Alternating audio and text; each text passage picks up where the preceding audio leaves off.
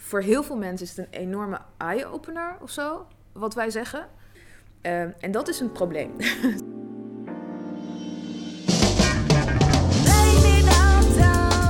Mijn naam is Hodden Warsame. Mijn naam is uh, Tirza Balk. Hoddan en Tirza vormen samen met Simone Zeefuik een collectief, Decolonize the Museum, waarmee ze samenwerken met en interventies plegen in het Tropenmuseum in Amsterdam en het Volkenkundig Museum in Leiden. Want hoewel er steeds meer aandacht lijkt voor kolonialisme in musea, wordt nog vaak het verkeerde verhaal verteld, stellen ze. Er wordt juist niet gezegd hoe belangrijk kolonialisme is voor de vorming van de wereld waarin we nu leven. Als het wordt genoemd, dan wordt het genoemd als, als het hebben van een zwarte bladzijde. Uh, ook in een apart kamertje, waar je dan echt zo'n klein hoekje, zeg maar. Eigenlijk heel symbolisch. Dus je ziet ook in de ruimte hoe dat wordt gereflecteerd. Alsof het een los stukje is dat ja, er ook wel bij hoorde, maar misschien een bladzijde is die ook op een gegeven moment we weer om konden slaan.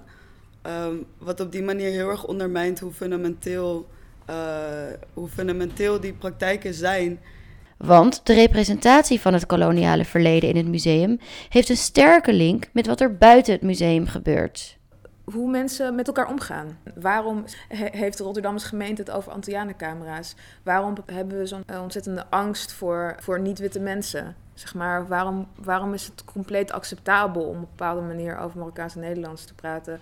Al die dingen zijn eigenlijk best wel één op één terug te voeren op, op het koloniale verleden. Want toen zijn er hiërarchieën gemaakt tussen mensen uh, op basis van uh, ras, het idee van ras, wat niet bestaat.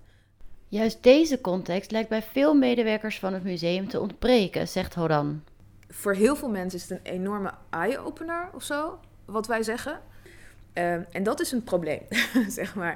Dat is een probleem. En wat, wat heel belangrijk is voor musea die, uh, die de representatie van het koloniale verleden willen veranderen, is dat ze erkennen dat er een probleem is in hun eigen expertise. En dan gaat het niet zozeer om feitenkennis, maar meer om die context. Want vaak weten mensen ook veel. Ik bedoel, specifiek over de objecten, de gemeenschappen waar die vandaan komen, de geschiedenis. we zeggen niet dat we geen expertise hebben, maar wel dat er een bepaalde context ontbreekt die voortkomt uit, uit um, een gebrek aan kritisch uh, denken, zeg maar. Volgens het collectief gaat het vaak mis met het taalgebruik van musea. Woorden zoals vooruitgang of uh, ontwikkeling, zonder een kritische context daaromheen. De spannende en de ongelofelijke en de wilde en de ja, avontuurlijke dingen die wij hebben meegemaakt of gezien en hebben meegenomen. Een soort van westerse manier van leven als een manier van leven die moet worden geglobaliseerd, dat het legitiem is dat die wordt geglobaliseerd en dat landen moeten ontwikkelen net zoals wij.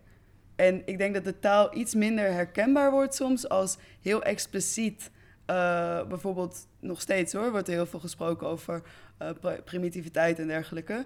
Maar uh, er wordt bijvoorbeeld ook gepraat over gelijkheid en gepraat over vrijheid. Maar dan zijn het vaak alsnog gelijkheid en vrijheid volgens Europese standaarden. Of er wordt laten zien dat andere mensen eigenlijk net mensen zijn zoals wij.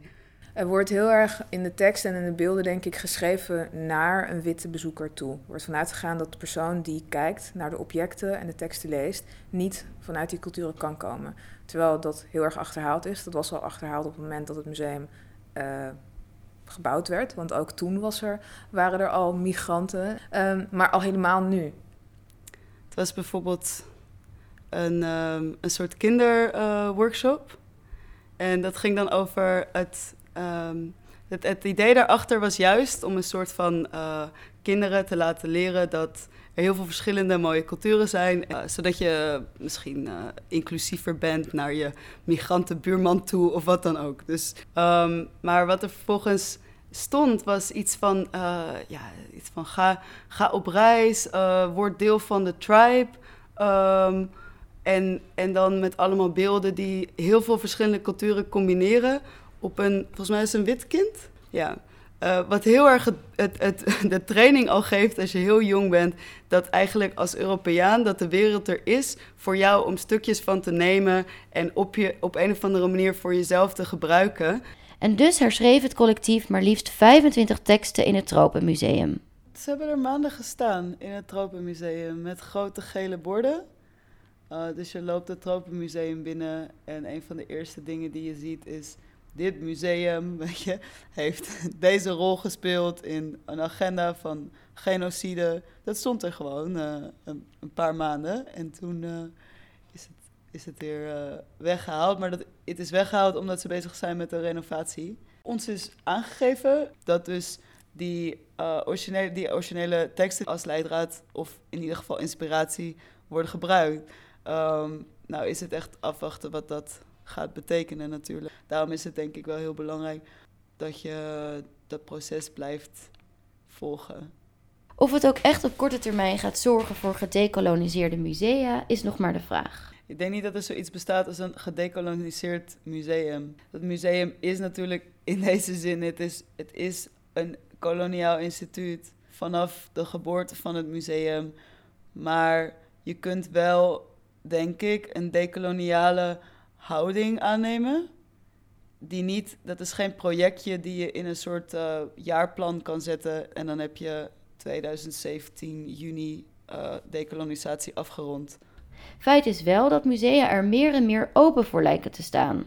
Nou, het is wel interessant om te merken dat, je, uh, dat, dat er dus heel veel musea en instituties heel erg geïnteresseerd zijn in um, diversiteit of nu dan ook omdat het project er is in, in decolonisatie of zo.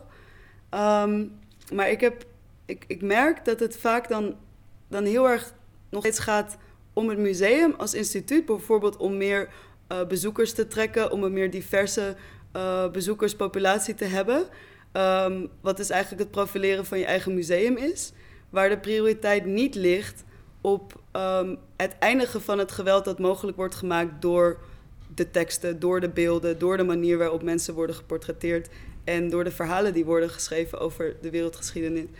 Wat kunnen musea dan doen? Uh, waar echt, echt aan gewerkt moet worden, is uh, de, de politieke verantwoordelijkheid. Dat jij geen dat jij geen neutraal instituut bent, dat jij geen neutrale schrijver van een tekst bent, weet je wel.